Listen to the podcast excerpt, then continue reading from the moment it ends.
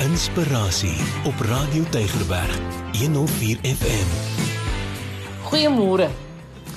Die van julle wat nou oud genoeg is, sal onthou van die dogtertjie in Eleanor Porter se kinderboek Pollyanna wat in 1913 verskyn het. Nou kyk Pollyanna was 'n weeskind wat na haar pa se dood by haar kwaai ou jong tante moes gaan bly.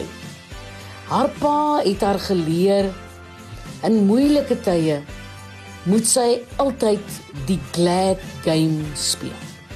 Sy moes in enige moeilike situasie iets kry om oorbly te wees.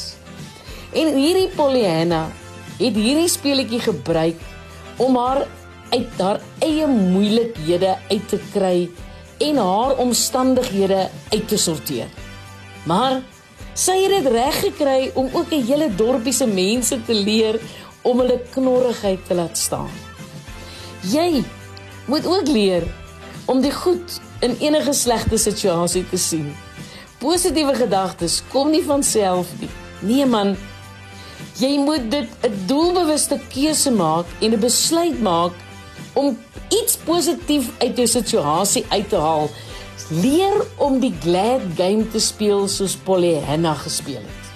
Jy moet leer jy moet leer dat jy in beheer is van jou omstandighede en dat jou omstandighede nie jou beheer nie.